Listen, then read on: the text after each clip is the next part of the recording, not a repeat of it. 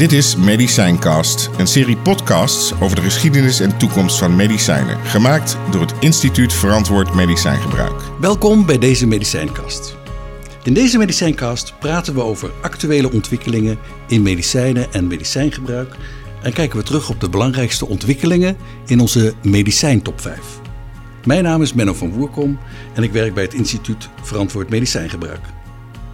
Vandaag aandacht voor pijn en zware pijnstillers. Met mijn gasten Maarten Mensink, anesthesioloog en pijnarts bij het Prinses Maxima Centrum voor Kinderoncologie. En Anke Lamboy, apotheker en projectleider van de taakgroep Opioïden. De afgelopen jaren zijn we anders naar pijn gaan kijken. Het gebruik van zware pijnstillers nam toe. Wat zijn daar de voor- en nadelen van? En hoe kunnen we het gebruik veilig houden? Voordat we, dat, dat, voordat we dieper in het onderwerp duiken, dokter Mentik, van harte welkom. Dank u wel. Vindt u ook dat we anders naar pijn zijn gaan kijken? Dat we pijn minder accepteren dan vroeger? Dat is een hele interessante vraag. En die vraag die wordt met name de laatste tien jaar wel vaker gesteld. Um, het lijkt er inderdaad op dat onze beleving en daarmee ook de acceptatie van pijn anders is geworden in de Nederlandse maatschappij en de West-Europese maatschappij. Mm -hmm. Interessant. Nou, uh, Anke Lamboy, ook van harte welkom. Dankjewel. Uh, jij bent bezig bij het Instituut Verantwoord Medicijngebruik uh, om het gebruik van pijn en zware pijnstillers te verbeteren. Ben je persoonlijk ook anders naar pijn gaan kijken? Niet echt, uh, maar dat heeft ook mee te maken dat ik nu redelijk pijnvrij ben en daar niet hele grote ervaringen mee heb. Ik uh, ben wel meer belang gaan hechten aan uh, ook niet-medicamenteuze opties bij de begeleiding van pijn. Veel meer gaan kijken naar het, niet alleen een pijnstiller, maar ook het verhaal eromheen. Mm. Dat heb ik het afgelopen jaar wel geleerd. Hm, interessant. voordat we het vraaggesprek gaan doen, hebben we de rubriek in een notendop, zodat de luisteraar ook weet wat er zoal speelt rond het, uh, het uh, onderwerp. En uh, mijn collega Anke vertelt in drie minuten waarom dit een belangrijk onderwerp is. Nou, ik wil eerst graag even aangeven waar we het over gaan hebben. We gaan het hebben over opioïden, sterk werkende pijnstillers, zoals morfine, oxycodon en fentanyl. Maar dat weet misschien niet iedereen, ook heroïne hoort bij de groep van opioïden. En opium en morfine worden al honderden jaren gebruikt als pijnstiller en als slaapmiddel en in de laatste eeuw zijn diverse varianten op deze stoffen verschenen. Tussen 2010 en 2017 is het gebruik van opioïden met 55% gestegen in Nederland. En vooral het gebruik van oxycodon is in die periode verviervoudigd. En als we dan in 2018 kijken, waren er een half miljoen mensen die kortere of langere tijd oxycodon gebruikten in Nederland. Internationaal gezien staan we in Europa op de vijfde plek als het gaat om de hoeveelheid opioïden die gebruikt worden per jaar.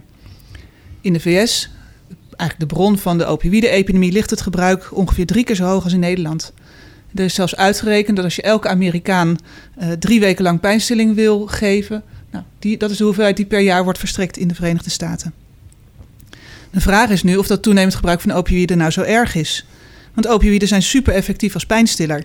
We hebben ze gewoon nodig bij uh, ernstige en acute pijn, zoals na operaties of pijn bij kanker. Maar er leven ook nadelen aan de middelen. Op korte termijn zijn dat hele bekende bijwerkingen, zoals verstopping en sufheid.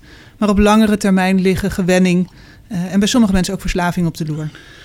En dat heeft in de Verenigde Staten tot uh, grote maatschappelijke problemen geleid. Uh, in 2016 overleden ruim 17.000 Amerikanen aan een overdosering opioïden op recept. En een veelvoud daarvan aan overdoseringen heroïne of fentanyl. In Nederland ligt dat een stuk lager. We hebben het over 83 mensen op jaarbasis in 2017. Maar de stijging die we gezien hebben in de afgelopen vijf jaar is wel verontrustend. Nou, sinds 2018 zien we vanuit de overheid, maar ook vanuit artsen en apothekers, een toenemende aandacht voor opioïden in het algemeen en oxycodon in het bijzonder. En naar signalen van zorgverleners heeft minister Bruins een expertmeeting belegd om de oorzaken en oplossingen van het opioïdegebruik, overgebruik in kaart te brengen. En sinds het voorjaar van 2019 werken we daaraan in de taakgroep gepast gebruik van opioïden. Een taakgroep, dankjewel.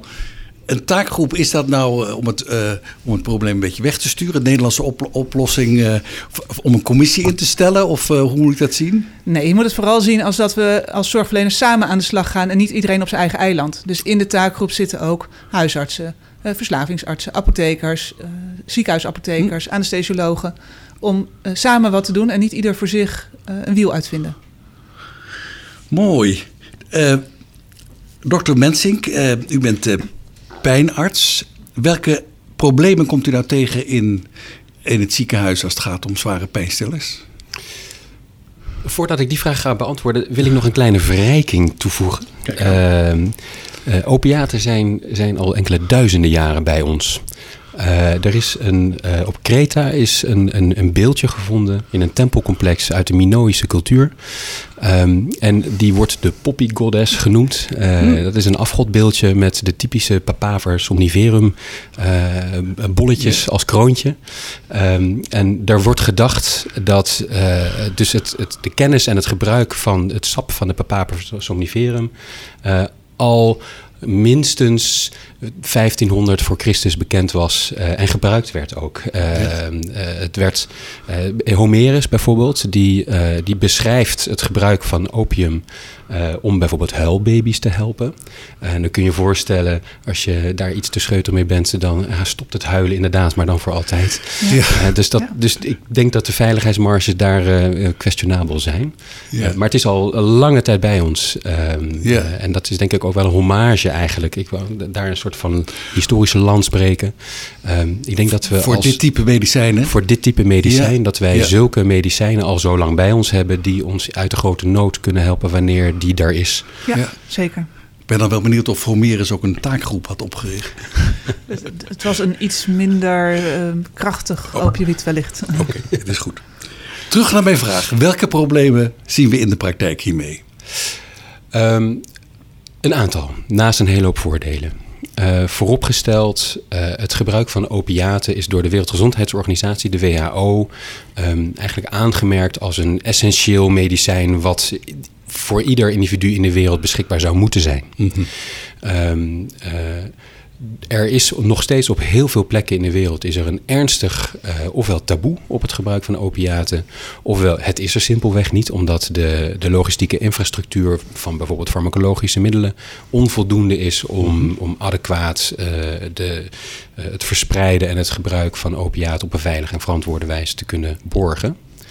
Ehm, dat gezegd hebbende zijn er plekken in de wereld, waaronder de Verenigde Staten van Amerika en, eh, en in het toenemende mate West- Noordwest-Europa, ehm, waar met name de afgelopen decennium een enorme toename van de hoeveelheid voorschrijvingen en problematisch gebruik van opiaten te zien is. Met name dat element, eh, dat geeft inderdaad problemen. Dat geeft problemen in de beeldvorming. Dat geeft problemen ehm, in het, eh, het, kortdurend kunnen gebruiken van opiaten. Maar dat geeft ook problemen in eigenlijk de, een, een, een verschoven zorgvraag van patiënt naar het, eh, eigenlijk het, het, het medicamenteuze loket. Ja. En u bent pijnarts.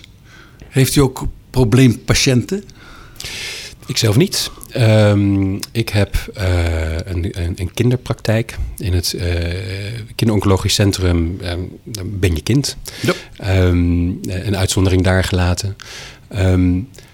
En daar wordt de eh, medicamenteuze opiaatverstrekking eigenlijk altijd gegeven in de context van oncologische zorg. Het zijn kinderen met kanker, eh, die ofwel, eh, en daar streven we uiteraard naar, eh, genezen, ofwel zo comfortabel mogelijk hun laatste levensfase doorbrengen. Eh, in die context is verslaving of problematisch opiatengebruik eigenlijk niet een issue. Nee. nee. En kent u ze wel? De probleempatiënten? Ik ken ze wel, eh, maar dan vanuit mijn eh, vorige leven als volwassen pijnarts. Ehm, of volwassenen pijnarts. Ja. Eh, daar zijn inderdaad incidenten terug te halen uit mijn herinnering... waarbij er toch wel een abnormale vraag was van herhaalrecepten... of eigenlijk een, een, een wat minder prettige manier van vragen om herhaalrecepten... Hè, waar toch een vrij stevige Ja. dwang werd eh, uitgeoefend... dat er toch echt nog dat herhaalrecept moest komen. Ehm, plus plus ook manieren om eigenlijk te, te traineren dat het opiaatgebruik uh, zou worden afgebouwd. Dus dat er continu motivaties worden aangedragen om dus toch maar door te gaan. een soort verdenking op verslaving. Dan is er in ieder geval een reden om te denken aan problematisch opiaatgebruik. Mm -mm. Ja. ja. Anke, waar ontstaan die problemen eigenlijk in de eerste of in de tweede lijn? Bij huisartsen of bij ziekenhuizen? Um, we zien dat de, de meeste herhaalrecepten uiteindelijk in de huisartsenpraktijk worden uitgeschreven.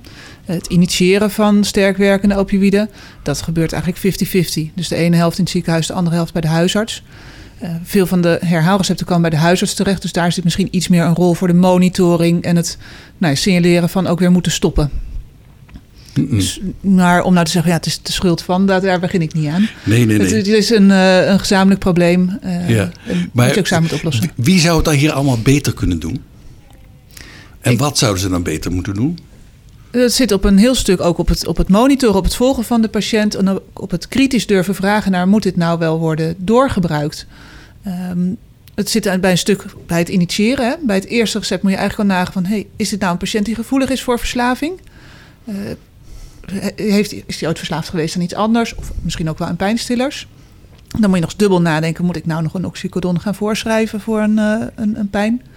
Uh, maar het zit ook in het opvolgen uiteindelijk van de patiënt. Uh, wanneer die komt voor het herhaalrecept. alweer. moet, is het nog nodig? Is er nog zoveel pijn? Dus het is voorschrijvers en apothekers samen. die mm -mm. daar ook naar elkaar ook kritisch over moeten durven zijn. Ja, en, en voor een arts is het dan ook zaak om, om beter op te letten? Het is niet alleen een, ja, soms is het een kwestie van opletten. Um, maar het is ook vaak toch een afweging um, maken en het, het, omgaan met de dwang vanuit patiënten. En dat is een uitzondering hoor, de, de echt verslaafde mensen. Uh, maar we hebben ze gezien, ik heb ze in de apotheek ook gezien in de tijd met benzodiazepines. De, de dwang die op jou als zorgverlener wordt uitgeoefend is niet te onderschatten. Mm -mm. Dat is echt zwaar. Dus uh, ja, een arts die daaraan toegeeft is niet per se een foute arts, maar ja, wel iets waar je mee aan de slag zou kunnen. Ja, ja. Uh, dokter Mensik, hoe, hoe weet je dat je verslavingsgevoelig bent? Als persoon? Ja. Of misschien ook als arts, dat je dat kan zien of merken of meten? Nou, het, uh, je ziet niet van tevoren. Uh, uh, er, zit niet, er zit niet een bepaalde kleur van de oorlel of uh, een type neus of anderszins. Hè. Iets, nee. er, je ziet niet van tevoren of iemand daar gevoelig voor zal zijn. Um, dat maakt het uiteraard lastig. als arts heb je een groot belang vanuit, vanuit je interne drive, maar ook vanuit de wet en regelgeving, dat je een, een, een, een goede relatie hebt, de arts-patiëntrelatie, die gebaseerd is op vertrouwen en op veilig en op privacy. Mm -hmm. uh, en vanuit dat gedachtegoed trek je zoveel mogelijk samen met de patiënt op in de reis naar gezondheidsverbetering. Um, en, dat klinkt heel mooi. Ja, en zo zitten we eigenlijk allemaal in de wedstrijd als arts. Mm -hmm. um, uh, en daar zit ook direct een kwetsbaarheid, uh, dat er ingebouwd een glijdende schaal zit. Dus vanuit die goede intentie en vanuit het, uh, het, het, het vertrouwen wat wederkerig ligt, um, zijn de hele kleine signalen die, die cumuleren, die zijn niet a priori of niet wanneer het, het individuele alarmsignaal zich, uh, of het individuele signaal, het alarmsignaal is vrij duidelijk, maar het individuele signaal, dat kan makkelijk in de ruis van de interactie wegvallen. Het is vaak pas als een aantal signalen zich samen heeft gevormd tot een alarmsignaal, ofwel tot een patroon waarvan je terugkijkt en denkt: hé, hey, dit is eigenlijk dit is toch wel een raar patroon, mm. van een vraagpatroon of gedragspatroon. Dan pas kun je zeggen van hé, hey, ik heb een vermoeden op problematisch opiaatgebruik. Ja, dus je moet, moet dingen aan elkaar ver, verbinden. Dus ja. beter opletten is misschien toch wel uh, best een goeie, goed advies. Ja, altijd scherp blijven. Ja. ja. ja. Ja. Um, nou, is het idee dat als er sprake is van verslaving, of om te voorkomen dat er verslaving is, dat je kunt afbouwen. Ik vraag het even aan, Anke. Um, is daar altijd een afbouwschema voor nodig? Ja, het, het, lastige is dat er in de wereld een aantal afbouwschema's zijn, maar dat het allemaal een beetje op natte vingerwerk is gebaseerd. Grofweg kan je wel zeggen, als je het langer hebt gebruikt, is het afbouwen vaak moet ook in wat kleinere stappen. Maar dat is eigenlijk altijd maatwerk voor een patiënt. Uh, maar wat je ziet is als mensen langere tijd, meer dan enkele weken, een opioïd gebruikt hebben, dat veel mensen het moeilijk vinden om dan in één keer te stoppen. Uh, dus dan is het wel handig om inderdaad te kijken naar een afbouwschema. Uh, en ook om daar begeleiding bij te zoeken van je arts of apotheker. Om te kijken, is dat passend? Daarbij wil ik wel die nuancering aanbrengen dat er een onderscheid is tussen afhankelijkheid en onttrekkingsverschijnselen. Mm -hmm. dus Leg het nog even uit. Een, een, er wordt snel gedacht, oh, ik kom moeilijk van de opiaten af, ben ik nu verslaafd? Um, verslaving is, is een onderdeel van moeilijk van opiaten afkomen. Er is ook nog een, uh, een vrij zwaarwegend element en dat is onttrekking. Dat is eigenlijk de aanpassing van het lichaam, en met name van het zenuwstelsel, op de aanwezigheid van opiaten. Dus uh, Anke heel mooi zegt, Anneke, uh, wat je heel mooi stelt, dat is dat uh, bij kort gebruik kunnen we eigenlijk heel snel afbouwen. En bij lang gebruik moeten we langzamer afbouwen. En dat is eigenlijk om de simpele reden dat bij kort gebruik heeft het zenuwstelsel zich nog niet zodanig aangepast dat het zich helemaal heeft ingeregeld op de aanwezigheid van die opioïdmoleculen. Dat is een beetje een bazaal verhaaltje. Hm. Maar hoe langer dat aanwezig is, hoe meer eigenlijk de zenuwcellen zich zullen aanpassen op de aanwezigheid van die moleculen. Als je dan opeens die moleculen weghaalt, hè, die, die, die opiaatmoleculen, dan krijg je dat het systeem ontregeld raakt. Ja. Uh, en dat merk je als onttrekkingsverschijnselen. Dus eigenlijk het zenuwstelsel raakt een klein beetje van de leg of van de kook. Ja.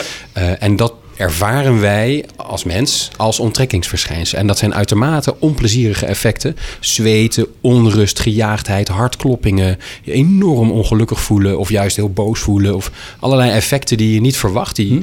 die komen ook meestal als een soort, een soort onaangename ontdekking op je af. Hè. Je ervaart dit opeens van jezelf. Wat is er aan de hand met me? En pas achteraf leg je de link met... hé, hey, wacht eens even, maar ik ben ook fors afgebouwd in mijn opiaten. Ja. Dus dat zijn onttrekkingsverschijnselen. Daarnaast is er de afhankelijkheid. En afhankelijkheid leunt vrij sterk op, op een, een wens naar, een psychologisch effect. Ik wil graag, omdat het mij een bepaald gevoel, juist een positief gevoel geeft, of een roes geeft, of een gedom, gedempt gevoel geeft. Mm-hmm. Dus dat is, dat is een onderscheid tussen uh, actief zoekgedrag naar meer, mm-hmm. dat, is, dat neigt naar verslaving, als ook voorkomen dat je afbouwt want daar voel ik me heel naar. Dat is dan weer meer onttrekking. Ja, interessant. Uh, en uh, is het moeilijk afbouwen in de praktijk voor artsen? Het is een. Uh, nou, het is altijd maatwerk, individueel maatwerk. Ehm, eh, en hoe langer iemand het gebruikt, hoe meer maatwerk het wordt. Ehm, bijvoorbeeld postoperatief, één of twee dagen, drie dagen opiaatgebruik. Nou, dat is, dat, daar hoef je niet per se super veel maatwerk voor toe te passen. En daar kun je redelijk mooi geschabloneerde protocollen voor opstellen. Maar kom je in dat gebied van langer, ja, dan zul je echt individueel per patiënt met elkaar samen een, eh, een stappenplan moeten gaan maken. En ook continu bereid zijn, en dat is het tijdselement en de hm. investering daarvan voor beide partijen. Uh, bereid zijn om dat stappenplan as you go te herzien en aan te passen. We maken nu even een uitstapje naar wat anders, want het IVM bestaat 25 jaar en we vonden het leuk om eens terug te kijken op de afgelopen 25 jaar wat er voor een belangrijke medicijnen zijn uitgegeven. Iedere medicijncast vragen we daarom onze gast welk nieuw geneesmiddel de afgelopen 25 jaar de meeste impact gehad heeft. Om ergens te beginnen hebben we de vijf meest afgeleverde middelen die de afgelopen 25 jaar op de markt verschenen zijn op een rijtje gezet. En dat zijn nummer 1 pantoprazol, een maagzuurremmer bij maagklachten. 2. Desloratadine, een anti-allergiemedicijn. Op 3. Atovastatine bij te hoog cholesterol. Nummer 4. Levocetirizine, een anti-allergiemedicijn. En op nummer 5. Clopidogrel, een antistollingsmedicijn. Die zijn dus het meest voorgeschreven en mijn vraag aan dokter Mensing is... als je er één af zou kunnen halen en er één bij zou kunnen doen... Welke zijn dat dan en waarom? Ze zijn allemaal heel belangrijk. En voor de, voor de, voor de volksgezondheid zijn het uh, zeer significante medicijnen. Uh, dus eigenlijk zou je kunnen stellen, ze verdienen allemaal een plek in deze belangwekkende lijst. Um, als anesthesioloog uh, ben ik dan toch geneigd om ook nog daar eigenlijk iets aan toe te willen voegen. Mm -hmm. um, Maar er zijn maar vijf platen, dus één, één, één moet eraf. medicijn moet eraf. Moet eraf. Ja, en dan kies ik eh, toch een beetje bij mijn parochie blijvend. ehm, eh, denk ik dat de levocetirizine dan toch het veld zal moeten ruimen. Mhm. Ehm, niet omdat hij niet belangrijk is. Hij heeft ontzettend veel mensen heel veel goeds gebracht. Ehm, maar de anderen die zijn qua, ehm, qua levensreddend effect... zijn ze wat mij betreft toch net iets potenter. Ja, dit gaat om een anti-allergie Het is medicijn. een anti-allergiemedicijn die heel veel mensen heel veel geluk en plezier weer terugbrengt in het leven. Uh, maar bijvoorbeeld een medicijn als clopidogrel. Um, en daar heb ik vanuit de, de acute setting heb ik daar met enige uh, uh, regelmaat mee te maken. Um, dat maakt het verschil tussen leven en dood. Um, anders gezegd ook de, de maagzuurremmers die, die anders lelijke maagzweren met eventueel een maagbloeding of maagkanker of slokdarmkanker kan veroorzaken. Die, die zitten wat mij betreft op een, op een ander level van belang. Dus, dus zo en zo hebben ze allemaal wel wat.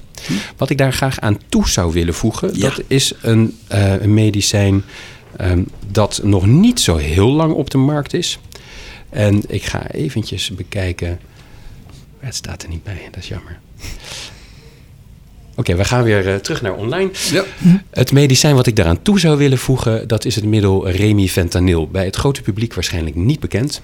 Um, Fentanyl klinkt als een uh, zware pijnstiller. Ja, ik dacht ik hou het ook in het thema. Ja. Het is een uitermate zware pijnstiller. Oh. Het is uh, de, uh, ongeveer de zwaarste pijnstiller die we, die we hebben momenteel. Het is een, het is een kunstmatig medicijn. Um, en het is, Remi is, is kort. Fentanyl, dat kennen we als inderdaad een van de probleemopiaten.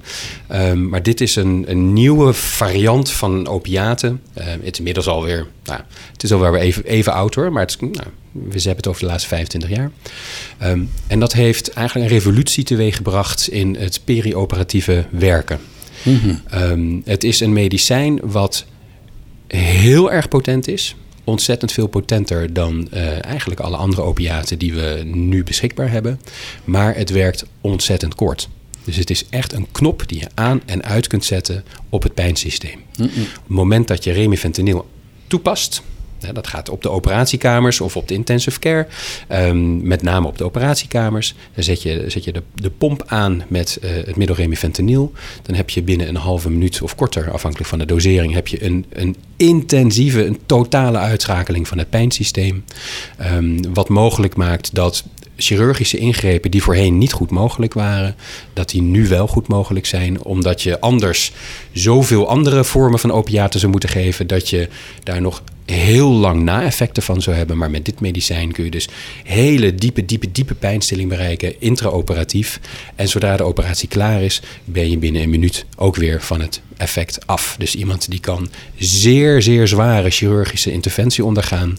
En dan is het klaar, zet je de pomp uit en die loopt daarna, bij wijze van spreken, spontaan de operatiekamer mm -mm. uit. Omdat het effect van het middel weg is. Lijkt me een droom voor een anesthesioloog. Het is, het is ook, in, het is ook een, een medicijn wat in respons op vragen van, uh, van het werkveld is ontwikkeld. Mm uh, ook echt om dus de, de, de, um, eigenlijk de, de efficiëntie in de operatieve setting te verbeteren, om de pijnstilling te verbeteren, om het hele, het, eigenlijk het hele proces rondom uh, operatieve be, beleid te kunnen revolutioniseren en optimaliseren. Prachtig. Een prachtige toevoeging. We zetten hem op één. uh, we gaan naar het tweede deel van, uh, van onze podcast. Het wordt een veel korter gedeelte. en dat gaat over wat het IVM met de partners in het veld doet op het gebied van, uh, van zware pijnstillers. Want er is dus een taakgroep.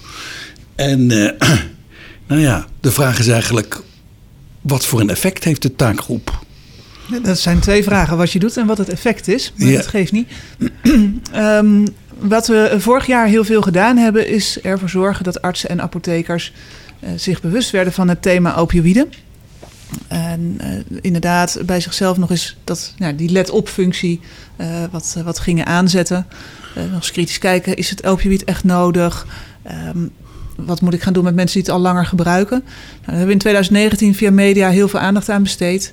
En dat heeft ook geresulteerd dat mensen ermee aan de slag zijn gegaan. Dat merken we aan verzoeken die binnenkomen vanuit artsen met heb je een spreker, heb je materiaal, et cetera.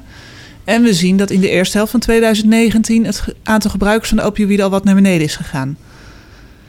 We zijn verder begonnen met het ontwikkelen van materialen. Dus om ervoor te zorgen dat ook het, het kennisniveau van de artsen, de apothekers en de assistentes eh, in de praktijken wat omhoog is gegaan. Uh, en we zijn nu dus met name bezig vanuit de taakgroep om te kijken wat gaan we doen met het afbouwen qua begeleiding. Uh, en kunnen we ook op een of andere manier de feedback gaan geven aan artsen van hé, hey, jij schrijft veel voor, jij schrijft weinig voor. Ten opzichte van collega's in vergelijkbare setting. Hmm, dus, dus je krijgt individueel feedback. Ja, de artsen. Ja. De artsen, ja. Dat ja, zouden we wel graag willen toevoegen. Ja. Mm -mm. Wat denk je dat het meeste zal gaan helpen? Ik denk niet dat je één geïsoleerde maatregel uh, los kan zien. Um, ik denk dat het bewustzijn heel belangrijk is. Uh, maar vervolgens moet je ook wel de spullen hebben om ermee aan de slag te gaan. Want anders denk je, ja, uh, doe ik toch goed? Hè? Dus je wil iets zien van waar sta ik als arts? Uh, zeker voor huisartsen weten we dat dat best wel prikkelend kan, kan werken. toch van, ja, ik, wil, ik wil het beter doen dan mijn collega's of nou, op die manier. dus dat, dat heb je nodig. En vervolgens moet je mensen ook de spullen geven om aan het werk te gaan. En dat is wat we met de taakgroep willen. Dus niet ieder voor zich op zijn eiland, maar maak samen die afspraken. Uh, zorg ervoor dat je ook kan reflecteren op hoe je gehandeld hebt. En ga dan aan de slag met de individuele patiënt. We kunnen als taakgroep geen patiënten gaan individueel gaan benaderen. Daar hebben we echt alle zorgverleners voor nodig. Hm. Uh, dus ja, we proberen het hen zo goed mogelijk en zo makkelijk mogelijk te maken.